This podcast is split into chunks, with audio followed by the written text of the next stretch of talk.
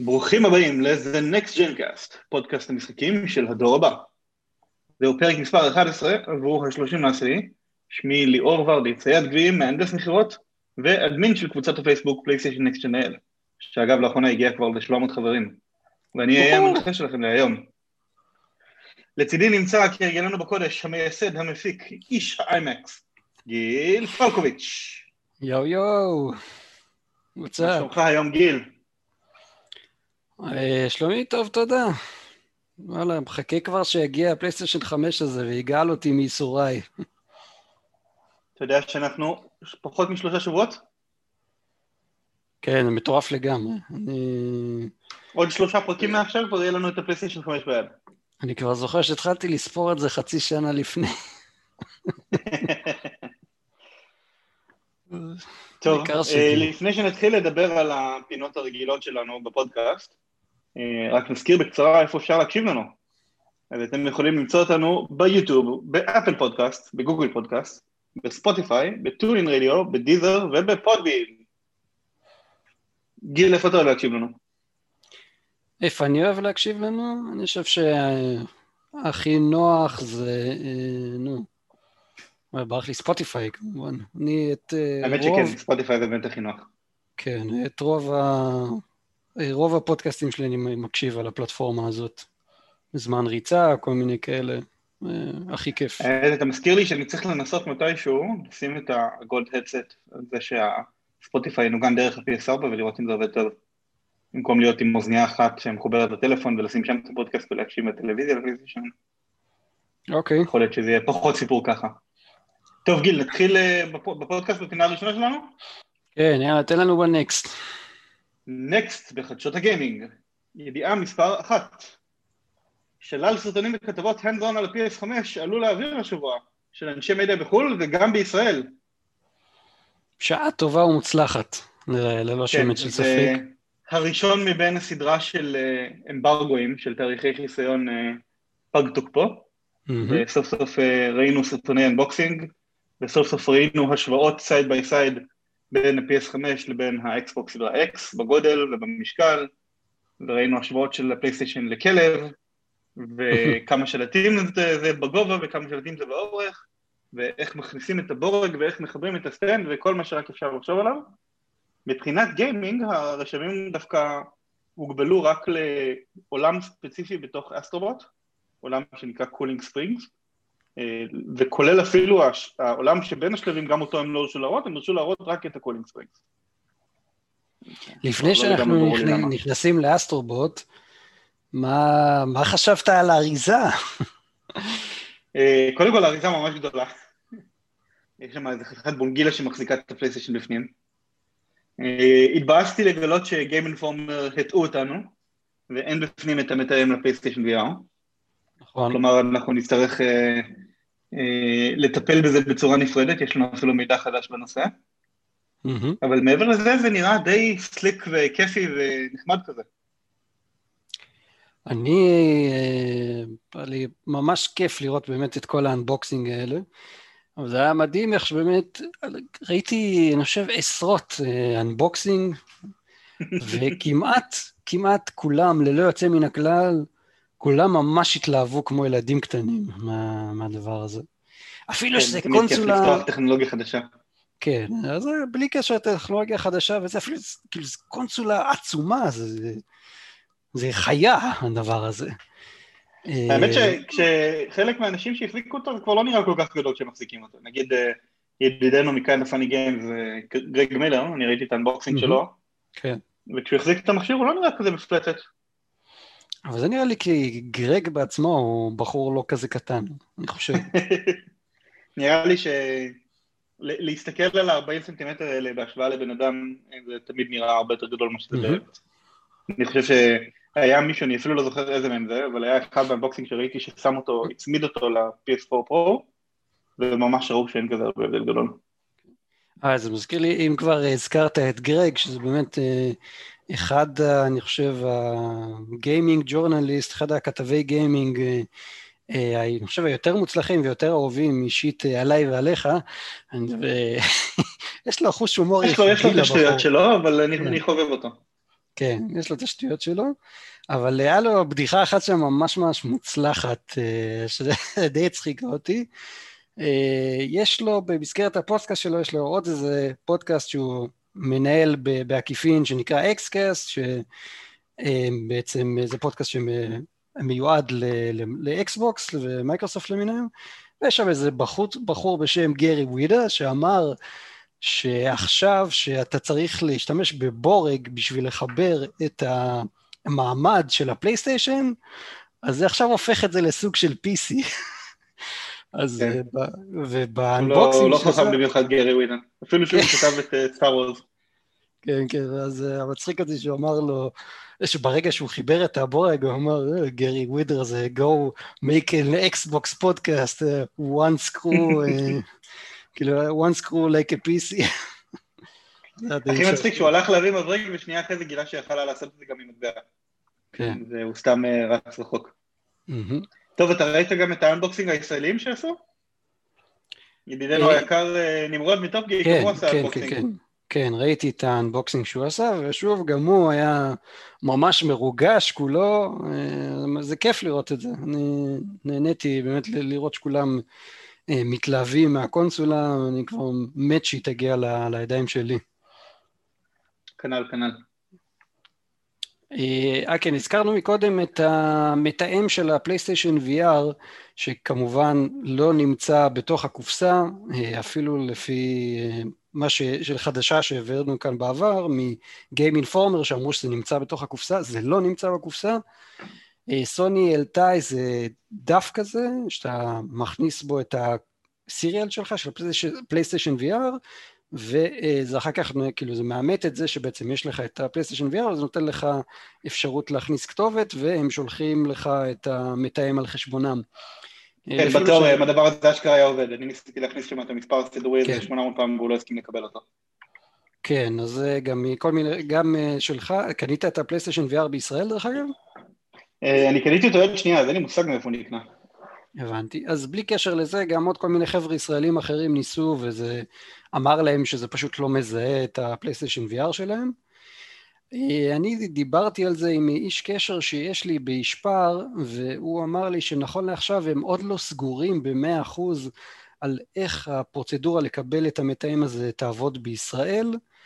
הם מעריכים שמה שיקרה זה שהם יקבלו איזה מלאי מסוים והם יפיצו אותו בצורה דומה בישראל. אה, זה מה שנאמר לי. טוב, אני רוצה את המתאם הזה, אני רוצה לעשות את ה-PSVR על ה-PS5, אני קצת מבאס שזה לא יהיה ביום הראשון. אבל אה, אה, בסדר, זה מה שיש ועם זה ננצח. חיכינו עד עכשיו, זה שטויות.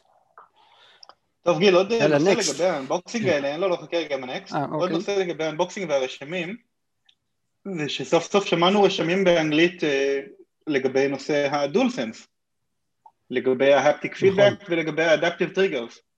נכון. וכמעט כולם עפים על זה ברמות שאין דברים כאלה. בעיקר מתלהבים ממש מהשלב ההוא ב Astro Bot, שבו אתה לובש חליפה כזאת של אה, כמו קפיץ, ואז ה-R2 אה, נותן התנגדות שדומה מאוד לקפיץ. Mm-hmm. וכל מי ששיחק בזה ונתן רשמים על הדבר הזה פשוט אמר שזה Game Changing. ומה. אתה אומר על זה? אני, באמת זה אחד הדברים אה, הכי הכי מסקרנים אותי בקונסולה, באמת זה השלט הזה. אני גם עוקב אחרי כל, אה, כל איזה דבר פיתוחי קטן שהצליחו לעשות איתו, וכאילו, וקראתי על דברים ממש ממש מטורפים שעושים עם זה, כאילו אומרים שהגיעו למצב שאפשר לדמות גשם שיורד במשחק, שאתה כאילו, שאתה מרגיש איכשהו את הטיפות עם, ה, עם השלט, אני מת, מת לנסות את זה, באמת, זה... אני, אני הכי מרתק אותי זה שאמרו שבסקבוי, כל המשטחים שאתה הולך עליהם, שהם כאלה, כל מיני סוגים שונים של בד וכותנה וצמר וכאלה, אמרו שהם ירגישו שונה. בהפטיק שאתה הולך עליהם.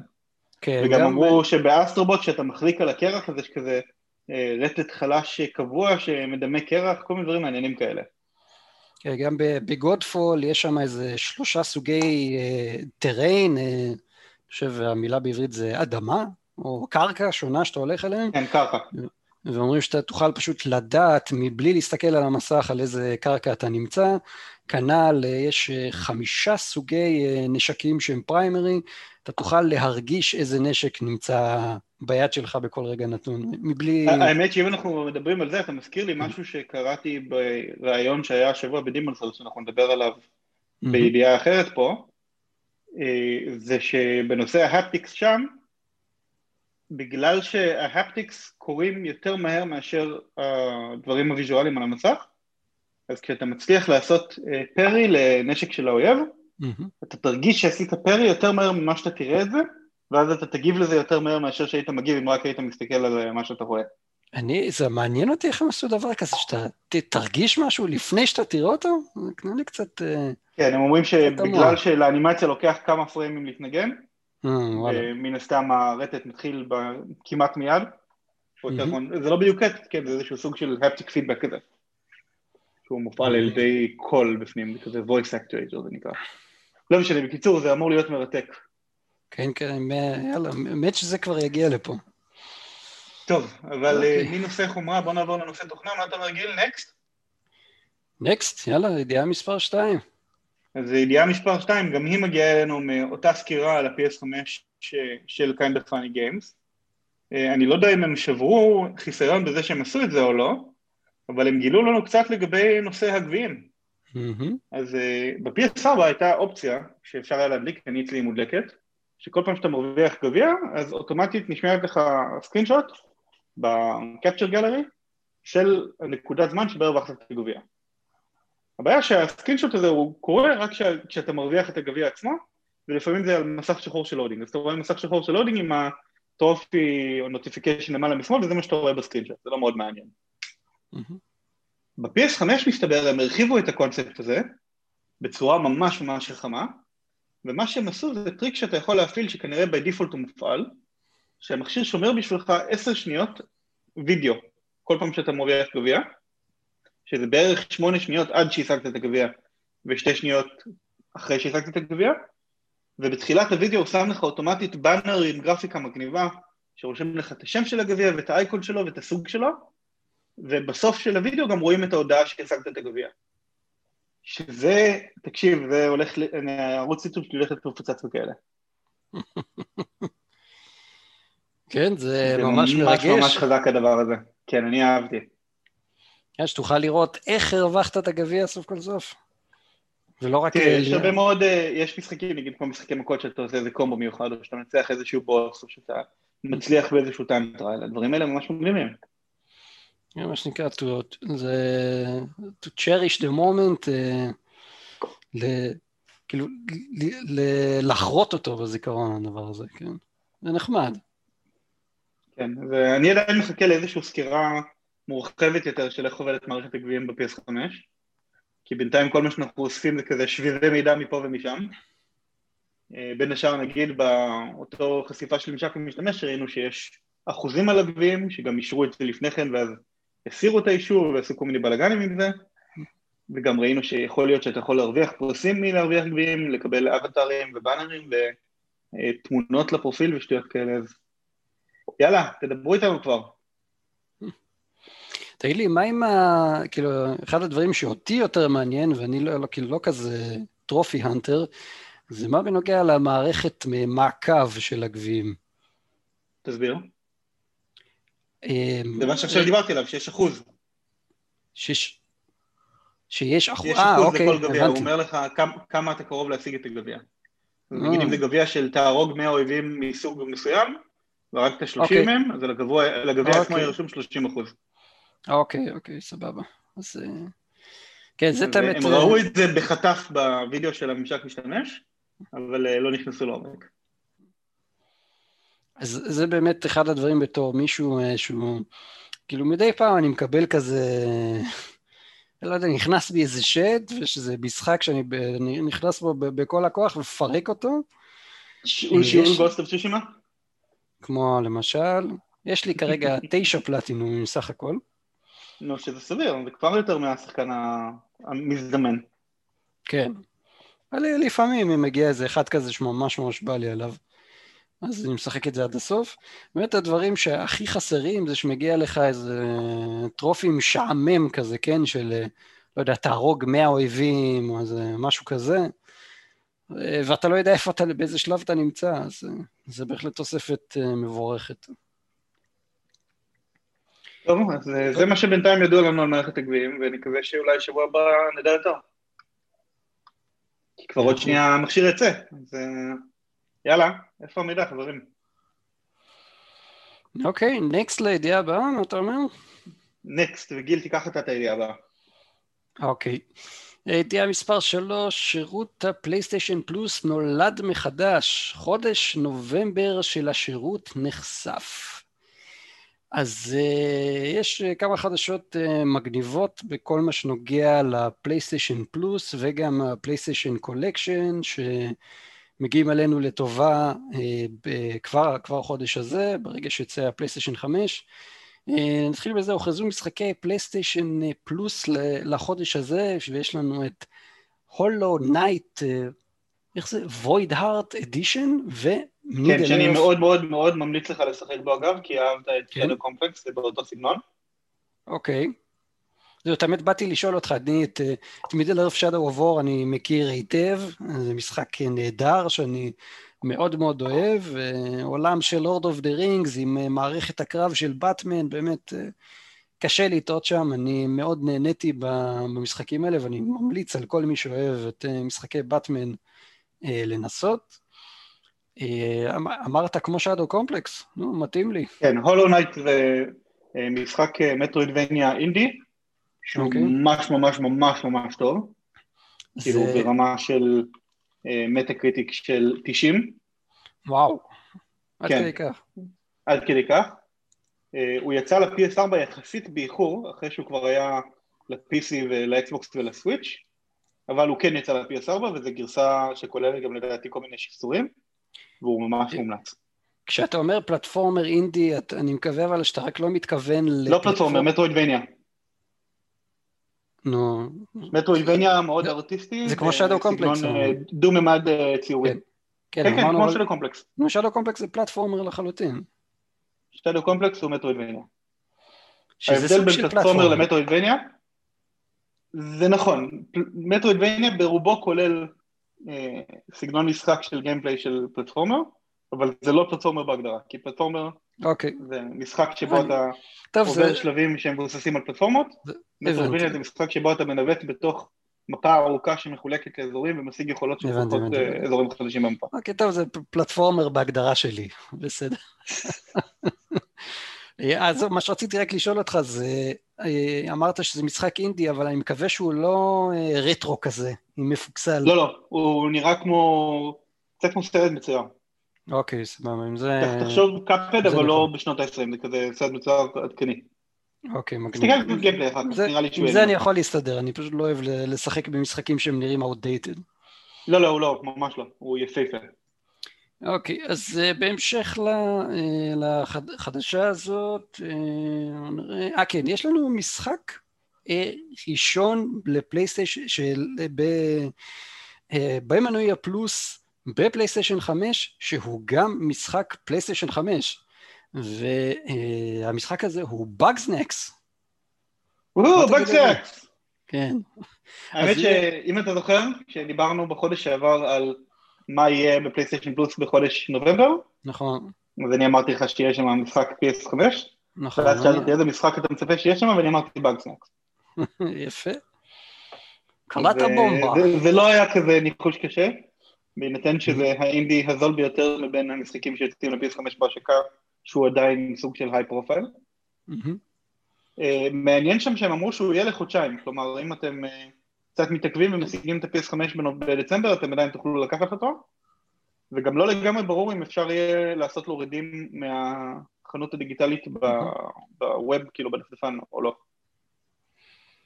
אני מאמין שכן. גם אני מאמין שכן. כאילו, אני עוד מכיר אנשים שאין להם פלייסטיישן 4 בכלל, והם עדיין קונים את המנוי פלוס, ורק בשביל לאגור את המשחקים בצד, כדי שיהיה להם את זה לפלייסטיישן 5 אחר כך. אני לא רואה סיבה שזה... אגב רעיון מצוין, אני ממליץ לכל מי שיש לו מנוי פלוס, לא משנה איזה משחקים יצאו בחודש הנוכחי, אם אתם מעניינים אתכם המשחקים האלה, לא מעניינים אתכם, זה לא מעניין, ברגע שהמשחקים עולים לאוויר, הולכים לחנות הדיגיטלית בדפדפן, מוסיפים את כולם לספרייה ואומרים שלום על ישראל. לא צריך להתחיל את ההורדה, מספיק שלחצתם add to library וכאילו קניתם אותם ב-0 דולר, והמשחקים האלה שלכם לנצח כל עוד אתם מנויים לפלייסטיישן פלוס, זה מאוד מאוד כדאי לעשות את זה תמיד. כן. אמ, הזכרנו מקודם אז שיש לנו אה, משחק מתנה לפלייסטיישן 5 במסגרת הפלוס, שזה אה, וכאילו אה, אני האמת לא חשבתי שאנחנו הולכים לקבל משחק לפלייסטיישן 5 כבר על החודש הראשון, בגלל הפלייסטיישן Collection, שזה אוסף שבמקור היה של 18 משחקים, ועכשיו הם הגדילו לנו אותו ל-20. כלומר, נכון. אנחנו הולכים לקבל על החודש הראשון מנוי פלייסטיישן פלוס בפלייסטיישן 5, 23 משחקים. שזה די חולני. כן, ומשחקים זה סוף הדרך. ראוי להזכיר שהם סוף סוף אה, הוציאו הבהרה, שכל המשחקים מהפלייסטיישן פלוס Collection הם כמו משחקי פלייסטיישן פלוס רגילים, mm-hmm. כלומר גם כשהמשחק יתחלף, עדיין יהיה לך גישה אליו כל עוד עשית לו add library. נכון, נכון. דרך אגב, שני משחקים שהם הוסיפו עכשיו ל Collection, זה... אנחנו נעבור על כל ה Collection, לא צריך להגיד רק את השניים החדשים. אוקיי, תכף נגיע לזה. כן, אה, אבל רגע, גיל, לפני זה. כן. תגיד לי, זה שהוסיפו לנו משחק PS5 עכשיו, אתה חושב שזה אומר שכל חודש נקבל משחק PS5? ומעכשיו נקבל שלושה משחקי פלוס בחודש במקום שניים? כן. אני... אה, האמת שגם אני חושב ככה. הם כבר התחילו, אני לא חושב שהם יפסיקו עם זה. כן, הדבר המעניין היחיד פה, מה שיכול להיות אולי קצת מקל בגלגלים, כביכול, זה שהמשחק הזה הולך להיות זמין למשך חודשיים, וגם משחק אחר ששמענו עליו שהגיע בפברואר גם הוא יהיה זמין למשך חודשיים. אז אולי הם יחליפו את המשחק PS5 החינמי כל חודשיים במקום כל חודש. אה, וואלה, זה בהחלט, אה, זה בהחלט אופציה. כן, אבל אה, צריך לראות מה יקרה, אה, אי אפשר, הם, הם לא הודיעו בצורה מפורשת ככה או ככה.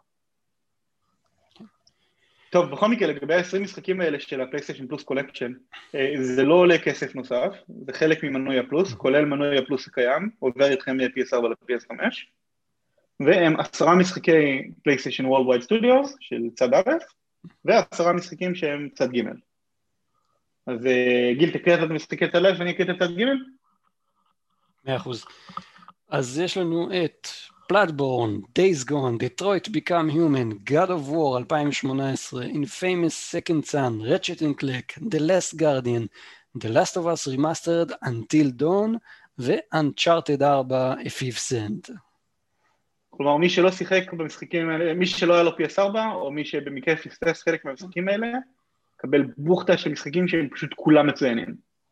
נכון. אין פה אפילו אחד ברשימה שהוא גרוע.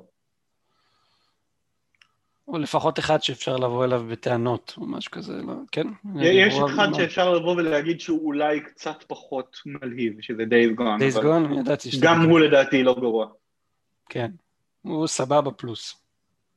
כן, ובמשחקי צד ג' הם דאגו גם כן להביא לנו קצת את ה cream of the crop.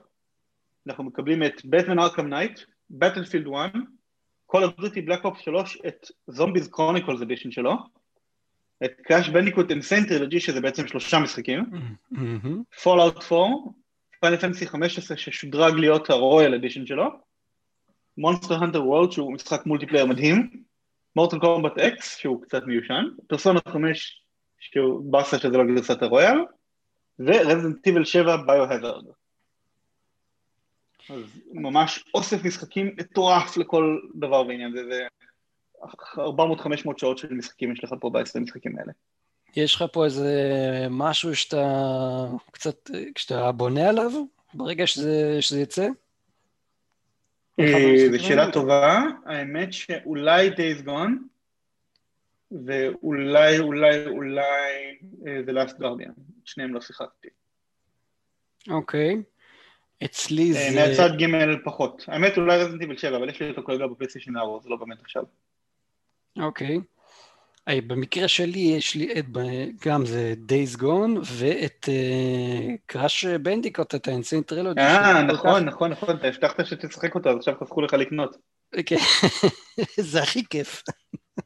לגמרי. כמו יהודי אמיתי. בקיצור, אז מי שקונה PS5 לא צריך לקנות אף משחק, הוא מקבל 23 משחקים out of the bat. פסיכי לגמרי. כן, כן. שווה, שווה ברמות.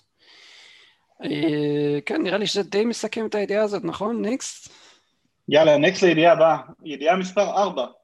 אה, משחק ההשקה של ה-PS5 Destruction All Stars נדחה, ובמקום להיות משחק השקה הוא יצא בחודש פברואר 2021 והוא יהיה חינם לפלייסטיישן פלוס. אז אה, הם אמרו שיהיה החזר מלא לכל מי שרכש אותו, בין אם בחנות דיגיטלית בין אם בחנויות פיזיות, באינטרנט או whatever, ובמקום שהוא יעלה 70 דולר הם נותנים אותו בחינם. אז גיל, מה אנחנו חושבים על זה? אתה זוכר שנראה לי כבר אמרתי לך איזה פעם או פעמיים, לא זוכר באיזה פרק זה היה, שאם יש משחק שהולך להיות ב PlayStation Plus, זה המשחק הזה. כן, ואני אמרתי לך שזה לא נראה הגיוני כי הם רוצים עליו 70 דולר.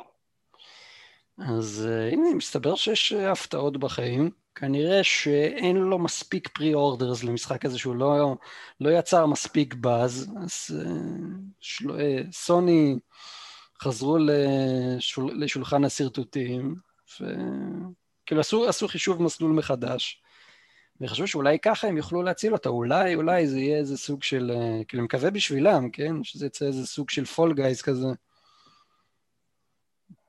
תראה, אני אגיד לך מה אני חושב שקרה שם, כן? המשחק הזה, מכל מה שאנחנו ראינו עליו, שזה לא כזה הרבה לצערי, אבל מכל מה שהם דיברו עליו מבחינת הדמויות והמבנה שלו וה micro transactions, זה סוג של Overwatch, אבל זה Overwatch משולב עם Rocket League, משולב עם Twisted Metal, כלומר, זה Overwatch שבמקום להילחם אחד לשני, נגד השני בתוך זירה רגילה, אתה נלחם על רקע שאתה נכנס לרכבים ולרכבים עצמם יש נשקים, וגם כשהרכב מושמד אז אתה לא מיד מת, אלא אתה יכול לצאת ויש כאלה סופרים וכל מיני שטויות כאלה.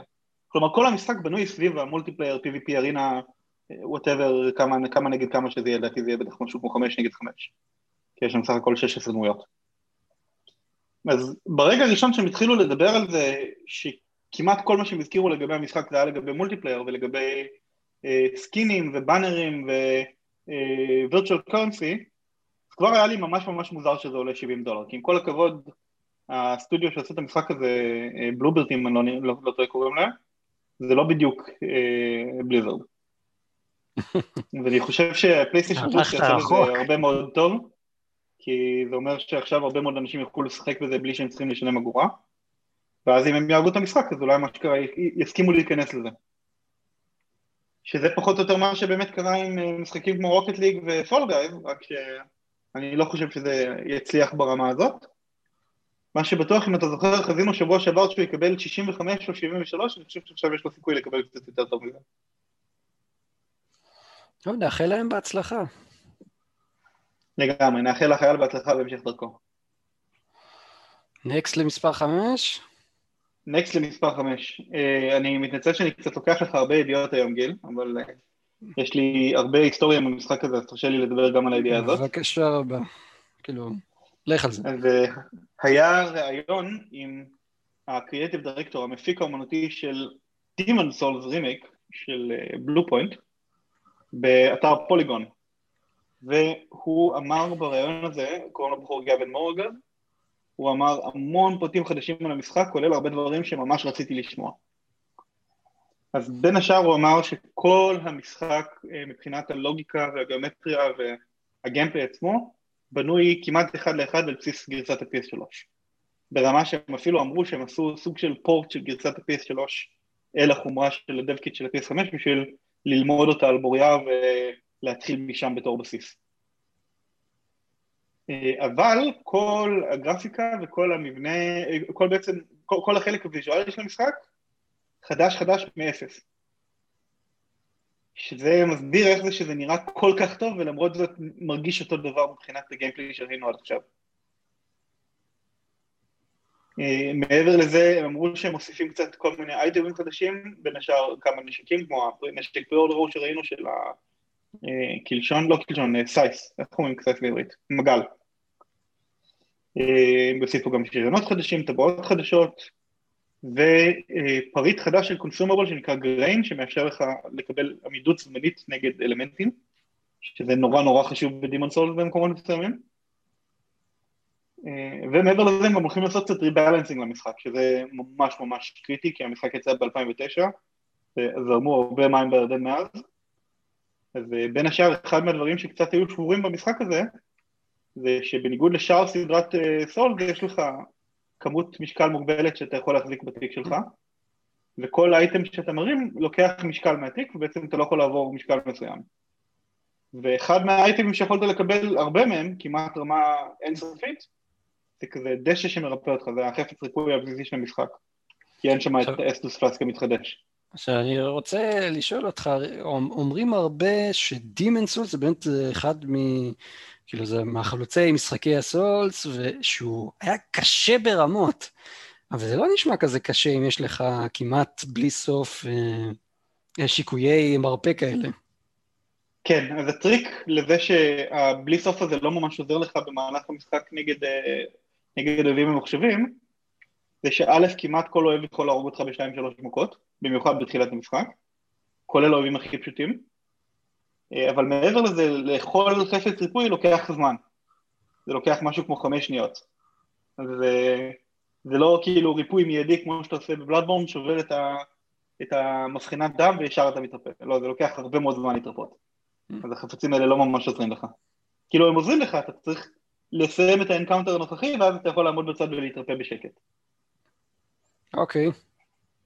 אה, אבל אה, לגבי, אתה שואל שאלה ממש טובה של למה בעצם המשחק הזה כל כך קשה, אה, ובין השאר זה בגלל מכניקה מיוחדת שהייתה בו, שנקראת World Tendency, נטיית עולם, שזה שבכל אחד מחמשת העולמות שבמשחק, שיש בתוך המשחק, העולם הוא נע על כזה מטוטלת שבין אה, טהור לאפל, ופעולות מסוימות שאתה עושה במשחק הופכות את העולם ליותר טהור או ליותר אפל, בין השאר נגיד להרוג בוס הופך אותו ליותר טהור, או למות אם אתה במוד של בן אדם הופך אותו ליותר אפל, ובהתאם למצב הנוכחי של העולם, המשחק נהיה קשה יותר או קל יותר.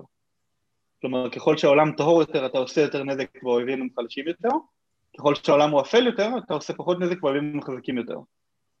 ופה מגיעה מלכודת המתחילים החשובה של המשחק, אם אתה משחק במוד של, אה, של Human, שבעצם כל פעם שאתה מנצח בוס אתה חוזר אוטומטית להיות Human, או כל פעם שאתה משתמש ב-consumable item מסוים אתה הופך להיות Human ויש לך את המד חיים המלא שלך, כשאתה מת העולם נהיה אפל יותר וקשה יותר.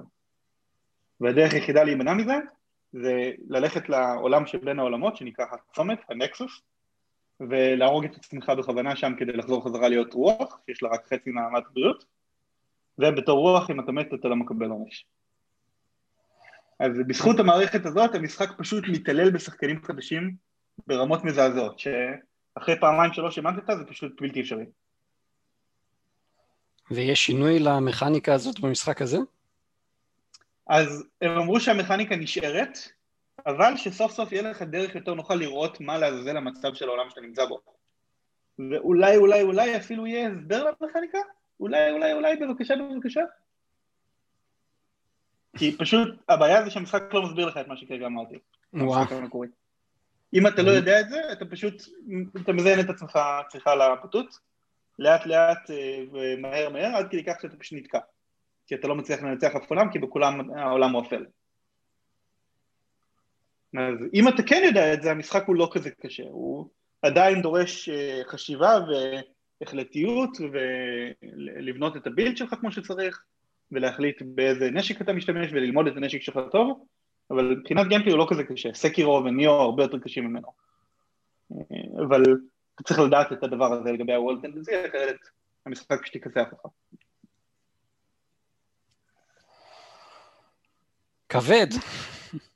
אה, כן, אבל אז אה, כשאתה כן משחק בזה ואתה יודע מה אתה עושה, המשחק ממש ממש כיף. אז אני מאוד מאוד ממליץ עליו לכולם. באמת, זה משחק שהולך להיות חוויה מטורפת. טוב, תהיי לי מה... ובנימה הזאת של חוויה מטורפת, הם אמרו שיהיה לו אה, שימוש ממש ממש חזק בהפליק פידבק, שגם דיברנו עליו מקודם, אתה תרגיש את הנשקים פוגעים אחד בשני, ואת ההגנה של המגן כשאתה מגן ממישהו שתוקף אותך.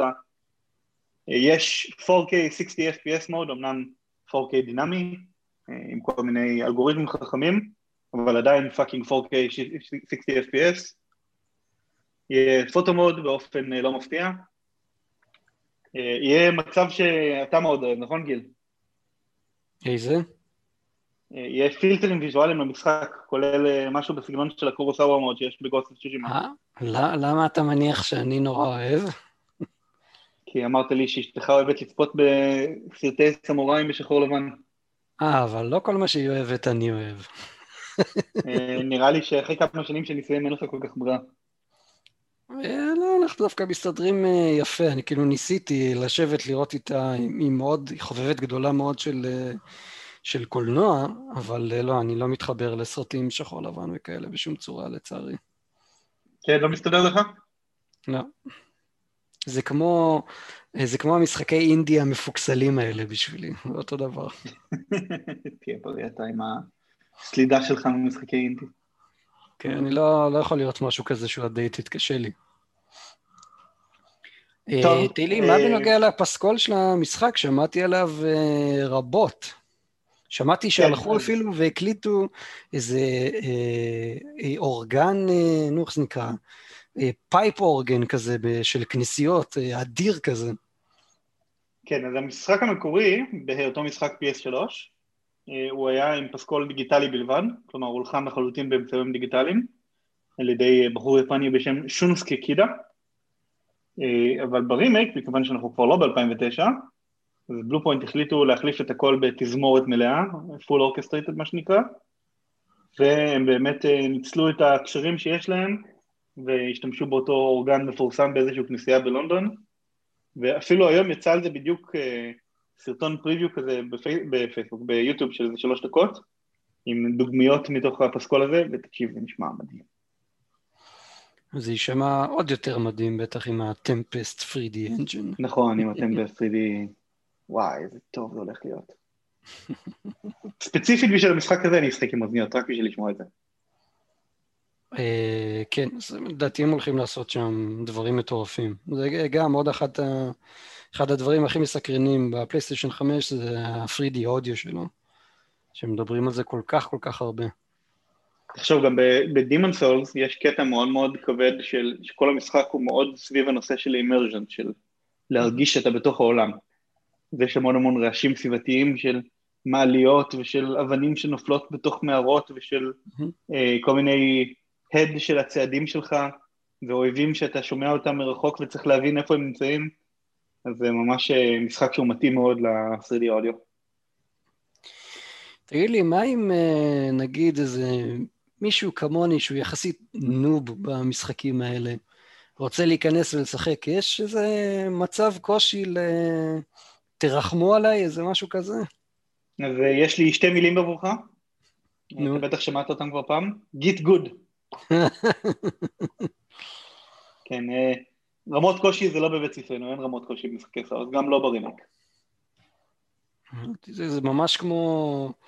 אני אגיד לך יותר מזה, לא, לא רק שאין רמות קושי, המשחק הזה בנוי ככה שהוא אה, כל הזמן אונליין, זה אחד מזה משחק שממש אה, פרץ דרך מהבחינה הזאת, גם ב single player שלו אתה כל הזמן אונליין, ואתה רואה על הרצפה כל מיני הודעות ששחקנים אחרים השאירו לך, או שאתה השארת לשחקנים אחרים עם טיפים לאיך להתמודד עם מה שאתה רואה מולך, ויש בכל מקום כתמי דם שכשאתה לוחץ עליהם אתה רואה איך השחקן מת, אבל אתה לא רואה מה הרג אותו, אתה רק רואה אה, את הפעולה מהצד שלו.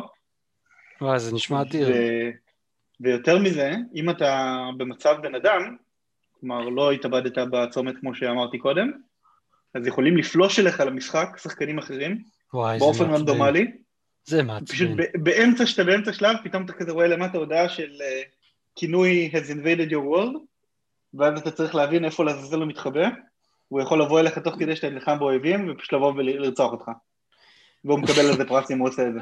אני, מקווה שיהיה אפשרות לעשות על זה disable. אז אה, בשביל לעשות על זה disable, או שאתה מנתק את הקונסולה שלך מהאינטרנט, מה שלא מומלץ, או שאתה משחק בתור אה, spirit, על ידי כך שאתה מתאבד בצומת בין השלבים.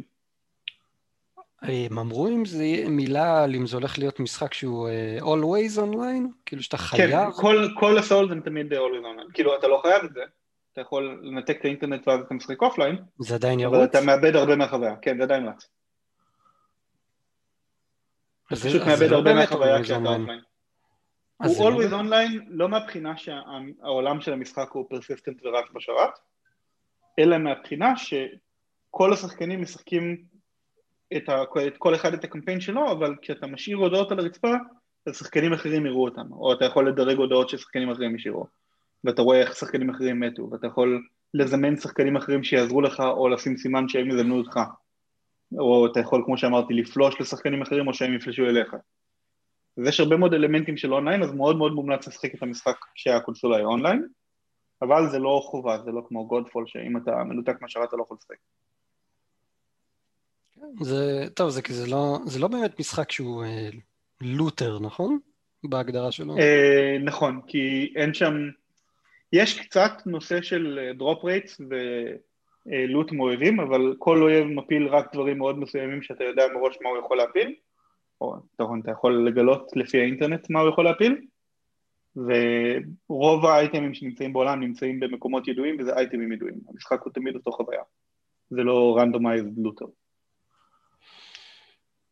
אוקיי, תגיד לי, אני זוכר ששמעתי על איזה משהו, על איזה בוס מאוד ספציפי במשחק הזה, שיש איזה קטע פסיכי לגמרי איתו.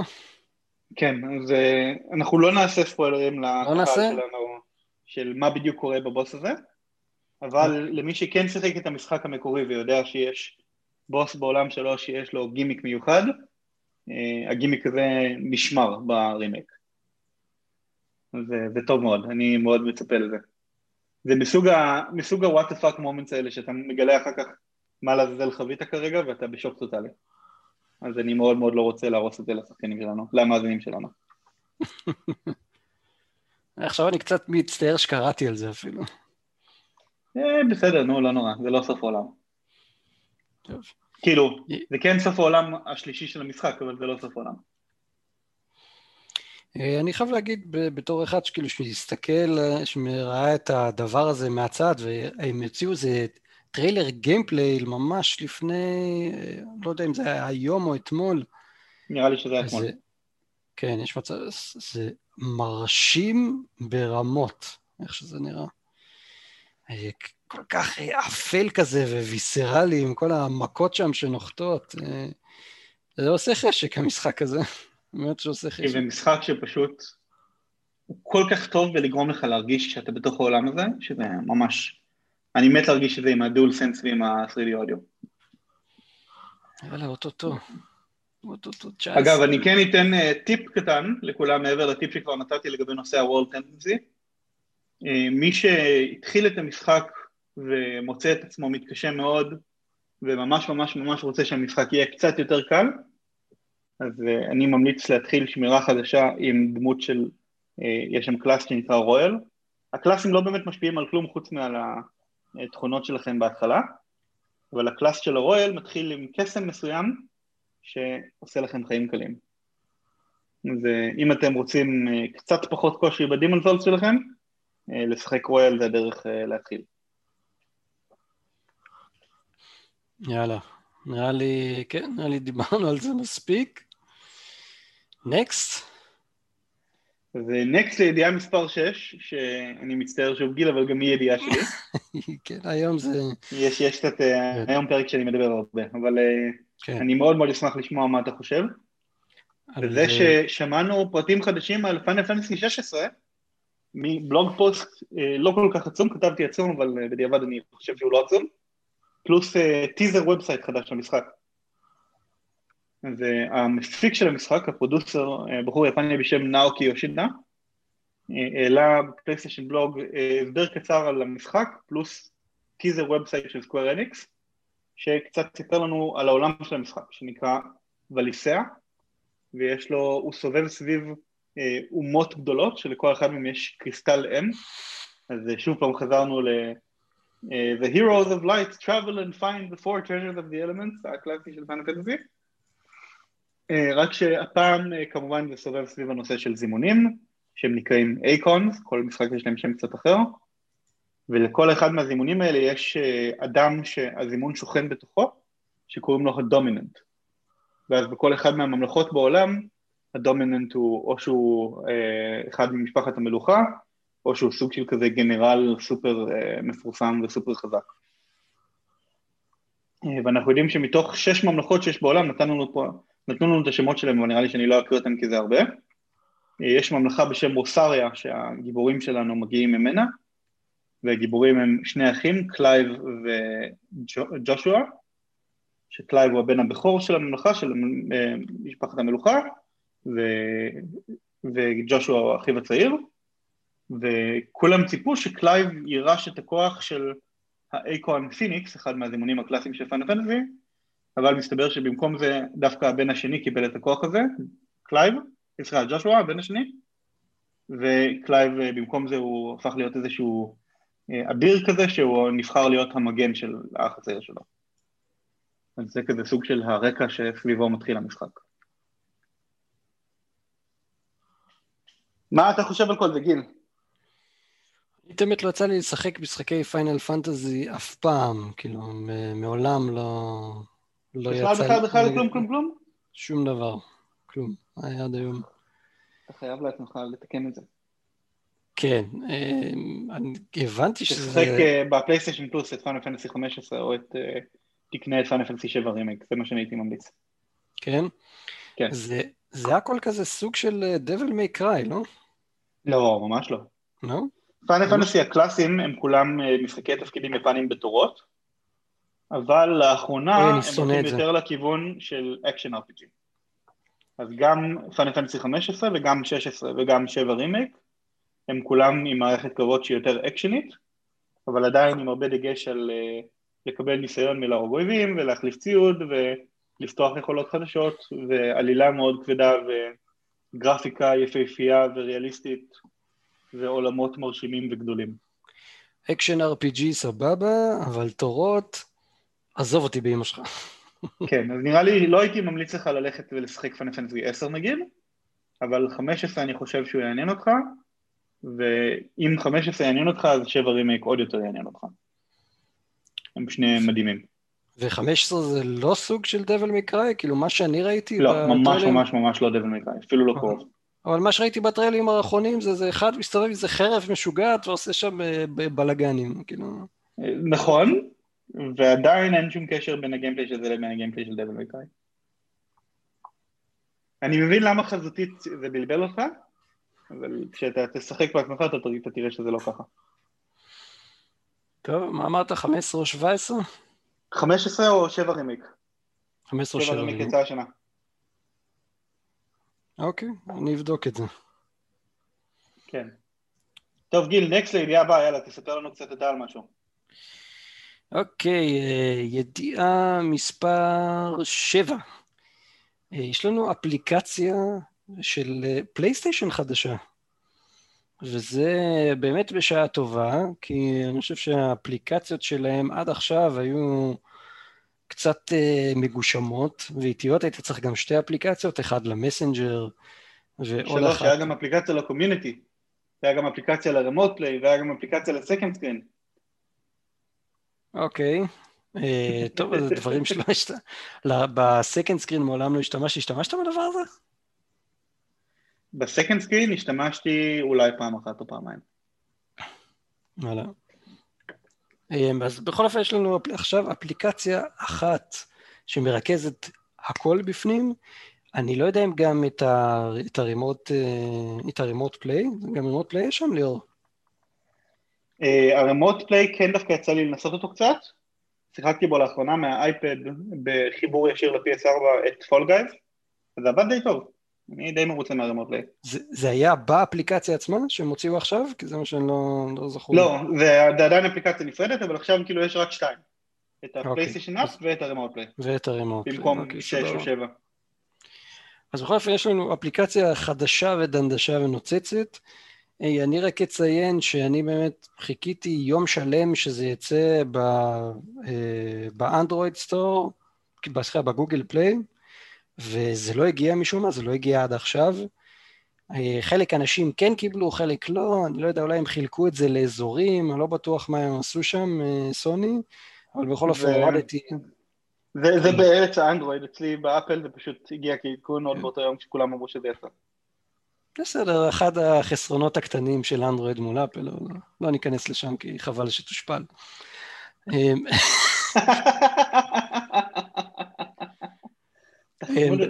זה? כן. anyway, אז כן, אז אני בכל אופן הורדתי APK כי הייתי מאוד סקרן לבדוק את זה. ולפני שנגיד איך היה האקספיריאנס בפנים, רק נעבור על כל הדברים והחידושים שיש באפליקציה עצמה. ממשק משתמש משודרג לחלוטין מאפס, הוא הרבה הרבה הרבה יותר מהיר ממה שהיה עד עכשיו, ממש כאילו מטוס, עף. לגמרי. כן. וגם בניגוד לחנות החדשה הוא אשכרה נראה טוב. כן, נראה ממש ממש מרשים. כולל גישה לרשימת החברים, הגביעים והמשחקים, אינטגרציה מובדית של מערכת ההודעות, עד לפני זה היה לנו אפליקציה נופרדת שנקראו לה מסנג'ר, אין צורך יותר באפליקציה הזאת, הכל נמצא במקום אחד. אה, קבוצות ושיחות קוליות כמובן, מעכשיו ניתן לעשות אה, קבוצות ישירות מהאפליקציה ולשוחח קולית עם עד 16, 16 אנשים במקביל. כן, ויש קצת אה, בלבול לגבי הנושא הזה של הקבוצות שהייתי רוצה קצת לנקות אותו. קודם כל, משהו מגניב שאתה הוכחת לי היום, מסתבר שאפשר לשלוח הודעות בעברית בקבוצות האלה, לפחות מהאפליקציה. כן, זה אתה עובר דרך השרת וזה נשמר בעברית. כן, זה את האמת היה גם באפליקציית Messenger הישנה. וואלה, אז אני לא, לא שמתי לב לזה אף פעם. בכל מקרה, מה שסוני בעצם עשו עכשיו עם הקבוצות, זה סוג של, הם חיקו את וואטסאפ. זה בתכלס מה שיש לנו שם, יש לנו וואטסאפ. כל קבוצה שאתה עושה זה קבוצת הודעות persistent שנשארת, ואתה יכול על גביה להתחיל party, וה party יהיה עד 16 אנשים מתוך הקבוצה הגדולה. אבל הקבוצה הגדולה יכולה להיות עד 100 אנשים, וזה פשוט קבוצת שחקנים שאתה משחק איתה, זה כאילו סוג של מיני קהילה. נכון. אז אני די מרוצה מזה, אני לא מבין למה הכל הצעקות בנושא, זה די מגניב. אני גם אין לי שום בעיה עם זה, אבל אנשים אחרים, מסתבר שיש הרבה הרבה מאוד אנשים שכן היה להם הרבה, שיש להם בעיה עם זה, במיוחד עם הקטע של private אה, ו public, שאתה לא יכול ליצור party שהוא, אה, כאילו שאפשר להזמין עליו uh, אנשים מבחוץ, אלא אם כן אתה הפארטי אונר, וסוני, ראיתי שהם כתבו בפלייסטיישן בלוג שהם שמעו את הצעקות האלה והם בוחנים את, ה, את הנושא הזה. כן, מעניין אותי מה זה אומר שהם בוחנים את זה, איזה שינויים הם הולכים לממש. אולי הם ייתנו איזושהי אופציה של גם וגם או משהו כזה? כאילו אני הבנתי שאחד הטענות העיקריות זה שאי אפשר להוסיף סתם ככה שחקן שהוא לא חבר שלך. ש... כאילו כמה אתה כבר עושה את זה? כן, אני לא יודע למה שמישהו ירצה לעשות את זה בכלל. כאילו, תוסיף אותו כאילו, לפרנצ'ייז. כשאתה מוסיף בוואטסאפ או בדיסקורד מישהו לקבוצה שלך, אכפת לך שהוא יראה הודעות קודמות? אה, היה גם את הנושא הזה, נכון, נכון. כאילו, אה, זה... אתה, אתה מפחד לחשוף בפניו דברים שאתה שולח? אם כן, אז תעשה את זה בקבוצה נפרדת.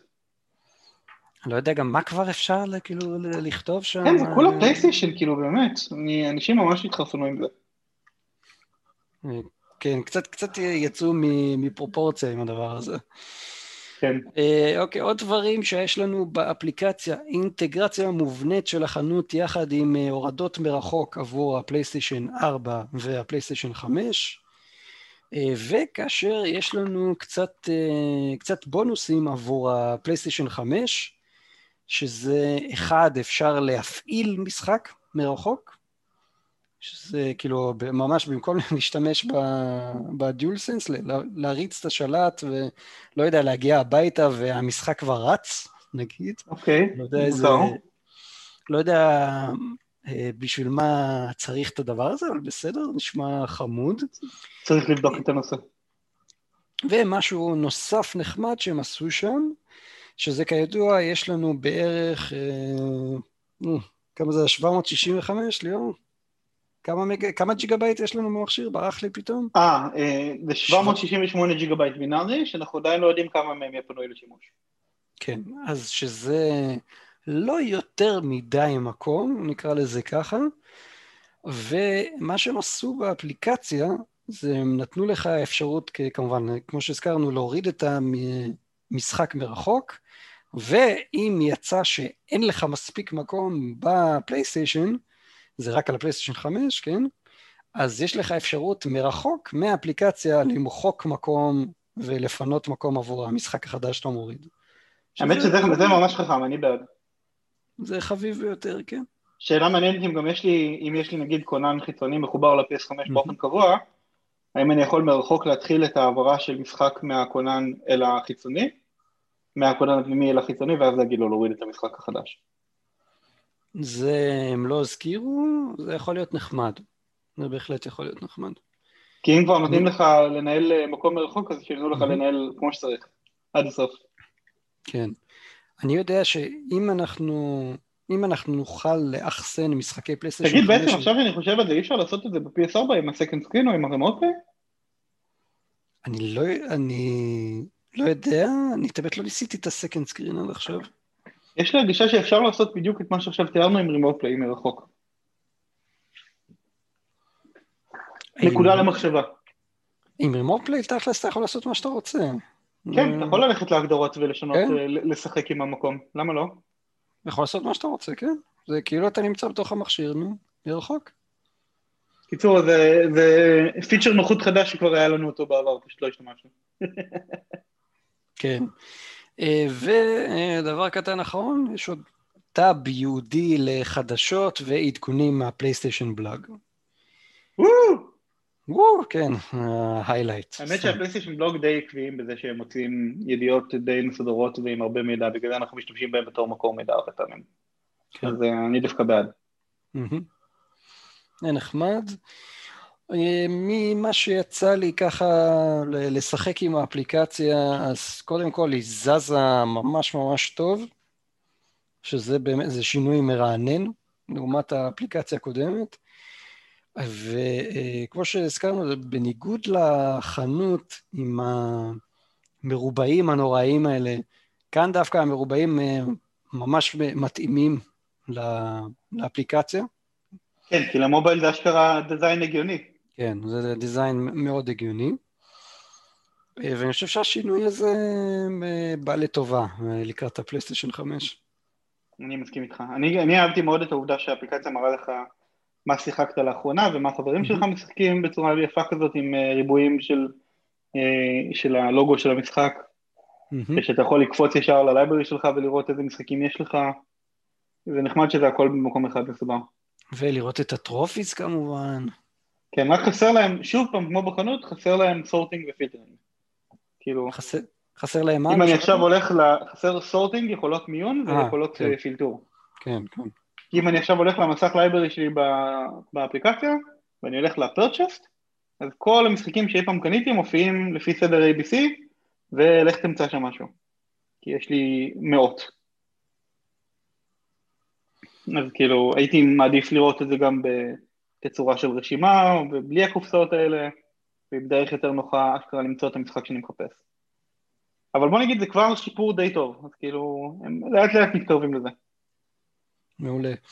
אה, אה, דבר קטן שגם אני וגם ליאור שמנו לב, יש או שזה באג או שאנחנו פספסנו משהו, אבל כששלחנו אחד לשני הודעות, לא קפץ איזה pop-up או איזה נוטיפיקציה. נכון, יש, יש שם הגדרות של נוטיפיקציות באפליקציה והן לא עובדות. כן. הנוטיפיקציות דלוקות אצלי גם בתוך האפליקציה וגם ב system settings של האייפון, הוא פשוט לא הקפיץ נוטיפיקציה. שזה קצת באסה, אבל אני מתאר לעצמי שהם יתקנו את זה בקרוב. כן, יש מצב אולי זה למה זה עדיין לא הופץ לכל העולם ואשתו אולי. ייתכן. אוקיי. יאללה, next לידיעה הבאה. נקסט לידיעה הבאה, זו הידיעה האחרונה שלנו להיום, ידיעה מספר 8. אה, פרטים חדשים נחשפו על משחקי PS5 עתידיים. זה בעצם ידיעה שהיא סוג של כזה אה, סל כלבו כזה, שאני אספתי בו מגוון עדכונים חדשות על משחקים שעתידים לבוא ל-PS5. אז אה, בין השאר יש משחק בשם טמטם, שזה משחק אונליין בסגנון פוקימון, ממש כאילו קרבות שאתה תופס יצורים ואתה נלחם יצור נגד יצור עם ארבע מהלכים וממש ממש ממש גניבה של פוקימון אחד לאחד, רק שהוא אמור להיות די טוב. אה, מסתבר שהוא יוצא ל-early access ב-PS5 ב-8 לדצמבר. אני חושב שב-PC הוא כבר זמין כמה חודשים, אבל אני לא יודע אם הוא יצא מ-early access ב-PC או לא. אה, אני מתאר לעצמי שפוקימון לא מעניין אותך, אז אני אעבור למשחק הבא. משחק האינדי הייבן. רגע, שנייה, לא, עזוב אותי, יש לנו קהל מאזינים. כן, יש לנו קהל מאזינים שמעוניין בפוקימון? אני כמעט בטוח שכן. אה, האמת שאני חובב של פוקימון באופן כללי, אבל uh, לא יודע אם אני מספיק חובב של פוקימון בשביל ללכת ולנסות לשחק בוטלג פוקימון גיימס. שזה בערך מה שזה נראה. אוקיי. אה. יש לנו... אתה רוצה את זה? אלך את זה. אה, כן. אה, עדכון, אה, הבנו שנומן סקאי הולך לקבל עדכון די גדול אה, עבור הפלייסטיישן 5, אה, וזה יקרה ממש מספר שבועות אה, אחרי השקה. נכון, יש אפילו כתבה גדולה בפלייסטיישן בלוג על העדכון הזה, אומרים שיש שם multiplayer של 32 שחקנים, יהיה תמיכה ב haptic controls, יהיה עולמות גדולים יותר עם ג'נרוט יותר מהיר של lusher, richer and more densely populated universes. Uh, ומדברים שם על 3D אודיו עם ה Tempest Engine ועל 4K 60 FPS, זה נשמע ממש ממש מגניב. יש אה, עוד משהו קטן, כן, אה, שני דברים בעצם שהייתי רוצה להוסיף שם. אבל אגב, רגע, משהו, משהו קטן לגבי הנושא הזה, אה, דווקא משהו ששלחו לי היום שהוא מעניין. No Man's Sky, כשאתה משחק אותו בפלייסטיישן 5, הוא יתמוך בפלייסטיישן VR, אבל רק בגלל שזה משחק PS4. כלומר, כשתצא גרסת PS5 של Man's Sky, תוכל לשדרג אליה, אבל בגרסת ה-PS5 של VR לא יעבוד. מה אתה חושב על זה, גיל? תגיד את זה שוב רגע. אוקיי, שוב פעם. Man's Sky יעבוד על ה-PS5 כבר ביום הראשון של ההשקה, אוקיי? באמצעות Backwards Compatibility. אוקיי. בנפרד, יהיה גם גרסת PS5 של המשחק, שהיא רצה כאפליקציית PS5 נייטיב, נכון. שאפשר לשדרג אליה בחינם, אוקיי? יופי. ואפשר גם להעביר אליה את השמירה. אבל, אם אתה רוצה לשחק בפלייסטיישן VR ב-No Man's Sky ב-PS5, מהמם. אתה יכול לעשות את זה רק על גרסת ה-PS4 ב-Backwards Compatibility Mode ולא על גרסת אוקיי. ה-PS5. אוקיי. כלומר, נכון לעכשיו זה נראה שמשחקי PS5 שפותחו וקומפלו, כאילו שהתוכנה עצמה היא תוכנה של PS5 ולא תוכנה של PS4 שרצה בתימות האחור, הם לא תומכים בפלייסטיישן VR הנוכחי. אמ, אמ, אמ. כי שמעתי את אותו דבר לא רק על נורמן סקאי אלא גם על היטמן 3. גם שם, רק גרסת ה-PS4 רק, כשהיא רצה ב-Backwards Compatibility לשחק compatibility. ב-VR. כן. מעניין. מעניין מאוד. אולי הם עושים את המהלך הזה בשביל להוציא פלייסטיישן VR 2? אז זה גם מה שחבר שלי ששלח לי את הידיעה אמר, אבל דווקא אני חושב אחרת. אני, לא, אני כן חושב ש-PSVR 2 בדרך. אני חושב שאנחנו נראה אותו ב-2021 או ב-2022 מתישהו, אבל אה, לדעתי פה זה פשוט איזשהו אילוץ טכני. אני לא יודע להסביר אותו בדיוק. אני חושב שזה קשור לזה שהתמיכה בחומרה עצמה של הפלייסטיישן VR זה כנראה איזשהו אה, ממשק חומרתי שפותח על גבי המעבד של ה-PS4, ולכן הוא יודע, המעבד של ה-PS5 יודע להשתמש בו, רק כשהוא רץ בתאימות לאחור של המעבד של ה-PS4. כלומר, הוא, הוא מריץ בעצם ממש את הממשק החומרתי של ה-PS4 בשביל לעבוד עם ה-PSVR. וואי, אם לא יהיה איזה בוסט לפרפורמנס, אלא... זה עדיין יכול להשתמש הזה- בגיימבוסט, כן? כי זה ירוץ עם מהירות שעון גבוהה יותר, ועם אה, יותר קורים, אבל כן. זה לא יהיה במוד של PS5, אלא זה יהיה במוד של Backward Compatibility. כן, בדיוק שאותו מעבד אה, ונטו מריץ אה, הוראות של מעבד ג'גואר. עם, כאילו זה, אני חושב שזה הכי מבאס מהכל. אני יצא לי, יצא לי לעשות אה, התנסות אחת עם ה-PSVR ממש כשהוא הגיע לכאן, אה, כשהוא הגיע לישראל, באיזה גרסת אה, אה, כתבים, ואני מהר מאוד ירדתי ממנו, כי בגלל שהאיכות תמונה בפנים הייתה מזעזעת. לא כי אבל המשקף... שיחקת על PS4 רגיל או על פרו? על פרו. וואלה. האיכות תמונה בפנים פשוט הייתה נוראי, שיחקנו רזידנט איבל 7 אני זוכר, וזה היה מפוקסל ברמה נוראית. אם לא, לא יציעו שום, אה, שום פאצ'ים לזה, באמת בינתיים לא ידוע לנו על שום דבר, אם לא יציעו שום איזה שדרוג, במיוחד למשחקי PSVR, לפלייסטיישן 5, אני חושב שזה יהיה קצת עצוב. אה, זה משהו שנראה לי שאנשים דווקא די ציפו לו. כן, אני מקווה שזה, שזה איזשהו באג טכני זמני והם יטפלו בזה. אה, דרך אגב, וחוץ מזה, בלי קשר, אתה מוזמן אליי הביתה להתנסות ב-PSVR מתי שאתה רוצה, אתה יודע. כן, אני אסטרובוט. כן, אני, אני, אני מכיר, זה בסדר, אני, אני מכיר את זה היטב כבר. אה, אני אם... מזכיר שוב, אתה מוזמן אליי הביתה להתנסות באסטרובוט. אוקיי. זה, זה לא המלצה. אוקיי, סבבה. אני, ועכשיו רצ, רציתי להזכיר עוד איזה משהו, אם כבר דיברנו על הפלייסטיישן VR והזכרנו גם מקודם את המתאם של, שצריך עבורו, עבור הפלייסטיישן 5, אז מי, ש, אם מי שרוצה לקנות פלייסטיישן VR אז נמסר לי מישפאר שפלייסטיישן VR חדשים שהגיעו בקופסה אחרי ההשקה של הפלייסטיישן 5 יגיעו כבר עם המתאם הזה. Hmm, מעניין. אז ככה סתם בשביל ה record. נחמד. וזהו, uh, נראה לי שזה סוף של הידיעה הזאת, נכון? סוף גם של פינת החדשות שלנו. כן, רק שפספסת שם uh, חלק קטנצ'יק בידיעה. אה, נכון, uh, בין הפרטים החדשים, כן, פארקריי 6. כן. קיבלנו השבוע ידיעה לא כל כך משמחת, שפארקריי 6 נדחה. ובמקום לצאת בפברואר הוא יצא מתישהו. Mm-hmm. אני מתאר לעצמי שמתישהו זה אומר סתיו 2021. אני גם מתאר לעצמי. Mm-hmm. קצת מבאס לשמוע, תמיד רציתי לראות עליו קצת פרטים. אה, טוב. יאללה, גיל, זה סוף section אה, החדשות שלנו. טם טם טם טם טם זהו, זה, זה החדש. זה החדש לעכשיו. יאללה, הפינה הבאה, נקסט על המסך שלנו. גיל, מה אתה משחק השבוע? או מה שיחקת? מה שיחקת? אוקיי, אני שיחקתי ביחד איתך Ghost of Tsushima Legends, ואני חייב לציין שהיה לי ממש ממש כיף. גם uh, את הקמפיין ששיחקנו, ועכשיו עברנו מלשחק אותו על ברונז לשחק אותו על סילבר, על רמת קושי גבוהה יותר, ואחרי שקצת עשינו רנקאפ וקיבלנו נשקים חזקים יותר, כל מיני פרקס למיניהם, וזה באמת, זה לא נמאס, אפילו שאתה חוזר על, על אותו שלב כביכול, עכשיו מביאים לך אויבים חזקים יותר, עם כל מיני... מתחילים לערבב מכניקות בין השלבים, שזה נחמד. כן. כי בברונז כאילו כל שלב יש לו מכניקה משלו עם אויבים מסוג אחר, ובסילבר פתאום ערבבו לנו אותם.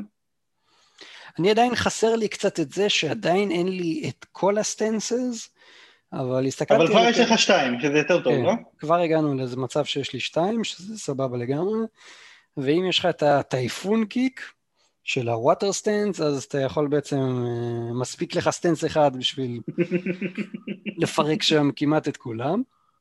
שזה כן. אה, סבבה כן. לגמרי, ו... גיל, כן, אתה שוכח לציין שעשינו משהו מיוחד בזה ששיחקנו השבוע ב Ghost של ה Legends? שיחקנו את ה... לא raid mode, את ה-survival? לא רק זה, שידרנו את כל ה gameplay שלנו בשידור חי. נכון, נכון, נכון. על גבי ערוץ היוטיוב שלי, אה, יוטיוב ליאור וי, אז אפשר למצוא שם את ה... שידור, אה, שידורי העבר שלנו ולצפות בארבע שעות שלי ושל גיל משחקים גוסט צושימה ועושים שטויות. כן. היה לי, אני חושב שזה באמת אחלה תוספת, תוספת חינמית, זה, זה, תמיד, זה תמיד מבורך. אה, של סאקר פאנץ' למשחק ונתנו לו עוד אה, of fresh air, מה שהפיחו בו חיים.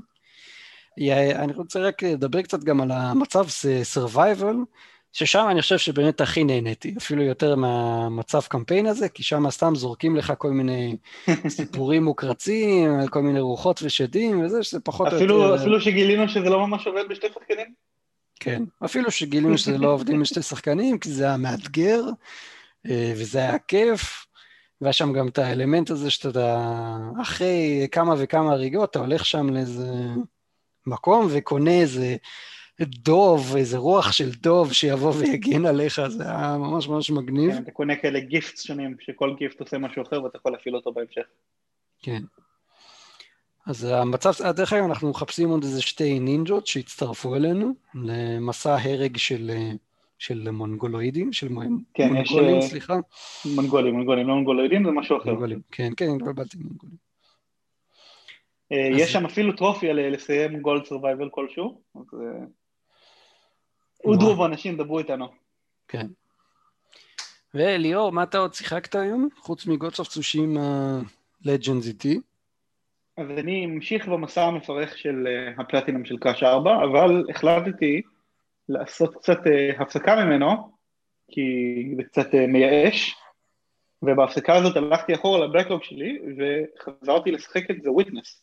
או יותר נכון, התחלתי שמירה חדשה ב-The Witness, והפעם החלטתי שבמקום להיתקע שעות על אותו פאזל כשאני תקוע, אז אשכרה להשתמש במדריך, כמו בן אדם נורמלי. אה, וממש נהניתי מהמשחק ככה, הרבה יותר נהניתי ממנו מאשר כשניסיתי לשחק אותו לבד לגמרי. ואני חייב לציין שגם סיימתי אותו וקיבלתי פלטיניום. מספר 260 ו... 82. אה, כלום. באמת שתן לי רגע לוודא אם זה 82 או 83, אם כבר שאלת. אה, לא כזה קריטי. רגע, רגע, רגע, רגע, רגע, רגע. 82, כן. היי וואלק. נקסט על המסך שלכם? מה אתה אומר? כן, נקסט על המסך שלכם, זאת פינת הדילים השבועית שלנו, שבה אנחנו בוחרים כל שבוע עד כחמישה דילים עבורכם, ומספרים לכם עליהם. אה, השבוע התחיל אה, סוג חדש של מבצע ב-PSM שנקרא אה, Planet of the Discount, או משהו כזה, שטות כזאת חדשה, ויש שם, מתרכז במשחקים שהם אה, מתרחשים בחלל. והמשחק הראשון ברשימה הוא באופן ממש מפתיע, חדש ממש, זה סטאר וורס קוודרנט, שיצא לפני איזה חודש אני חושב, אה, ואפשר עכשיו להשיג אותו ב-10 דולר הנחה, ב-30 דולר במקום 40, אבל זה רק לשלושה ימים הקרובים, אז אה, שימו לב, זה עד לשלישי בנובמבר. אתה מעניין אותך משחק- משחקי- משחקי סטאר וורס בכללי? אה, פחות. אוקיי. יש שם אגב, גם לא רשמתי אותו, יש שם גם את ג'די פולן אורדר ב-30 דולר במקום 60, את מי שזה מדבר אליו, אבל כבר המלצנו עליו בפרק קודם, לא רציתי להמליץ עליו שוב. טוב שאמרת, יש מצב שאני מחליט להתחדש, להתחדש. לך על זה. אבל שוב, אם אתה קונה אותו, תחכה לפייס 5 בשביל לשחק אותו. בשביל זה הגיימבוסט. ברור. כן. זה ברור שזה יקרה. אה, חלום שלי להטיס TIE Fighter. כן, באמת? כן. נו, אז יש את המשחק ההוא של Eve, Eve Valkyrie, ל-PSVR. אה, אין לך VR, עוף איתך. אתה צריך מתישהו לשחק את זה. והבנתי שזו חוויה מטורפת. רגע, נראה לי שס... שניסיתי את זה, כן. וברגע שעשיתי barrel roll עם, ה... עם הספינה, התהפכה לי, התהפכה, התהפכה לי הקיבה ולא יכולתי להמשיך לשחק. הבנתי אותך. כן, טוב, זה אז אולי, אולי אל תנסה את זה שוב. כן, זה כנראה לא יקרה. בכללי, משחקים בפלייסטיישן VR, משחקים עם, אה, שיש בהם הרבה תזוזה, זה ישר, אה, כאילו אני לא מצליח, ל... לא מצליח לשחק אותם. ישר גורם לי לסחרחורת. טוב, דווקא אסטרובוט שתדע לך הוא לא גורם לסחרחורת, אני כן הייתי ממליץ בכל זאת לנסות אותו. אוקיי. אה, משחק הבא בהמלצות שלנו, זה יותר נכון, זה חבילת, חבילה של משחקים, זה נקרא EA Family Bundle. זה עכשיו ב-6 דולר במקום 40 דולר, ומגיעים איתו Need for Speed, Planet, אה, Plant vs. Zombies 2 ו-Unravel. Need for כן, Speed, זה זומביז 2 זה כמובן ה multiplayer third person, לא ה Plants vs. Zombies הקלאסי. כן, אני את האמת, Garden Warfare 2, נכון? Garden Warfare 2, כן. אוקיי. את זה ספציפית לא יצא לי כל כך לשחק, ו-Need for Speed הוא משחק אה, די בינוני מינוס, אבל Unravel, לעומת זאת, זה משחק אה, מקסים. זה משחק שעובד, אתם משחקים גוש צמר כזה מאוד מאוד חמוד, משחק פלטפורמה, נכון ליאור? לא... אה, כן, כן, פלטפורמה. הוא אכן כן. פלטפורמה. יפה. משחק פלטפורמה כזה, דו-מימדי, אתם משחקים גוש צמר, ואתם אה, צריכים לעבור כל מיני מכשולים כאלה ב- באמצעות באמצעות הצמר שלכם, באמצעות זה שאתם אה, כל פעם מעריכים את, ה, את החוט של הצמר עצמו. כאילו צריך אה, באמת יותר לראות את זה כדי, כדי להבין, אבל זה משחק ממש ממש חמוד. אז אם בא לכם על איזה פלטפורמה כזה קליל ועדיין מאוד מאתגר, אני ממליץ להסתכל עליו. האמת שהיה לי ציפיות ממש גבוהות מ-unravel, ואז כשקניתי אותו והתחלתי לשחק אותו, הוא פשוט, הוא כל כך ג'נקי, שקצת לא כל כך הצלחתי להתחבר אליו, הוא יותר מדי אה, לא מלוטש בעיניי. אבל אה, אולי אתם תחליטו אחרת, לא יודע. אה, צריך גם מתישהו לחזור אליו ולתת לו ניסיון נוסף. יש כאלה שיגידו שהוא כל כך לא ג'נקי שיצא לו אפילו Unravel 2. אכן יצא Unravel 2 וזה לא, לא אומר שהוא לא ג'נקי. אוקיי. סבבה. whatever floats your boat. אין, אין תלות בין שני הדברים. בוא נגיד שאם הוא לא היה ג'נקי הוא היה מקבל יותר מ-78, נכון? אה, ייתכן. ייתכן. אה, בכל מקרה, המשחק הבא שאני ממליץ עליו זה Tales of Vesperia Definitive Edition. אז אה, Tales of זה סדרת משחקי RPG יפנית ממש מוצלחת של חברת Namco, שרצה כבר איזה 20 שנה אני חושב. שהקטע שלהם זה שמערכת הקרבות היא מאוד פעילה, כלומר כן יש הפרדה בין העולם הכללי לבין העולם של המסך הקרב, אבל מסך הקרב הוא כולו אקשן uh, uh, מהיר כזה, כמו שאתה אוהב גיל. ו Tales okay. Vesperia הוא במקור משחק PS3 מ-2009, שלא יצא במערב בכלל, uh, ועכשיו הוא מגיע ב definitive edition, יצא ב-2019, ויש הנחה על ה definitive edition, במקום 50 דולר הוא עולה 12. בתוך ה-12 וחצי. אז אה, לאוהבי ה-JRPG למיניהם, אני מאוד ממליץ על המשחק הזה, אפילו שלא שיחקתי אותו בעצמי, יש לו Metacritic די גבוה גם. אה, ספציפית, ה Metacritic שלו זה 80, שזה, סליחה, 83. אוקיי. Okay. ואחרון חביב, אה, סדרת משחקים שאני, האמת שאני אישית חושב לקנות את הדיל הזה, וזה אה, Shenmue 1 ו-2. אז אני לא יודע אם אתה מכיר גיל, אבל Shenmue זה משחק שהיה אקסקלוסיבי ל Dreamcast. ואחרי זה הגיע, כשה Dreamcast אה, מת, אז הוא הגיע ל Xbox המקורי. אה, וזו סדרת משחקים שהיא כל כך השיגה לעצמה כזה cult following, שאנשים נורא נורא ביקשו משחק שלישי, וכשהיה Kickstarter עליו הוא גייס איזה 6 מיליון דולר מהמשחק השלישי. ובסוף הוא יצא והוא לא משהו, אבל אה, למי שבכל זאת רוצה לנסות אה, משחק אה, מוזר מאוד ומעניין מאוד, שבו אתה משחק אדם שאני חושב שהוא מנסה להיכנס ליאקוזה או משהו כזה, או שהוא מנסה למצוא את חברה שלו שגנבו אותה, זה כזה סוג של כזה דאבל דרגן רק תלת ממדי, ועם כל מיני שטויות של מכונות של גאצ'פון ודברים מוזרים כאלה, ומשימות שהן על בסיס זמן במהלך היום. אז שמו 1 ו-2 ביחד, בבנדל עולים 9 דולר במקום 30 כרגע. מגניב. נראה לי ש... וגיל, בזה, הוא, בזה הגיע לסיומו פרק נוסף של uh, The Next Gen Cast. אה, כבר נגמר. כן, כבר נגמר. לצערי. מאה אחוז, אז uh, חברים יקרים, עוד uh, פרק של The Next Gen Cast הגיע לסיומו. אם הקשבתם לנו עד פה, אז אה, קודם כל אה, ממש תודה רבה, ואנחנו נשמח לשמוע מכם, תמיד אנחנו שמחים לשמוע ולקבל פידבקים מכם, לטובה או לרעה, אז keep on coming. לגמרי. ליאורי, תודה ש... שהנחית איתי, ש... שהנחית, שהיית איתי, ונתת לי קצת שוב פעם לנבור במוחך עם כל ה... הידע הבלתי יאומן הזה על כל מיני שטויות שאף אחד לא יודע. נתתי לך קצת מנוחה מלהנחות גיל. בסדר גמור. כמה שאתה רוצה. אנחנו בדרך כלל מתחלפים כזה בשביל לטבל את העניינים. בסדר גמור, לגיטימי. יאללה חברים, עד שבוע הבא תמשיכו לשחק. עד הפעם הבאה, יאללה ביי. ביי ביי.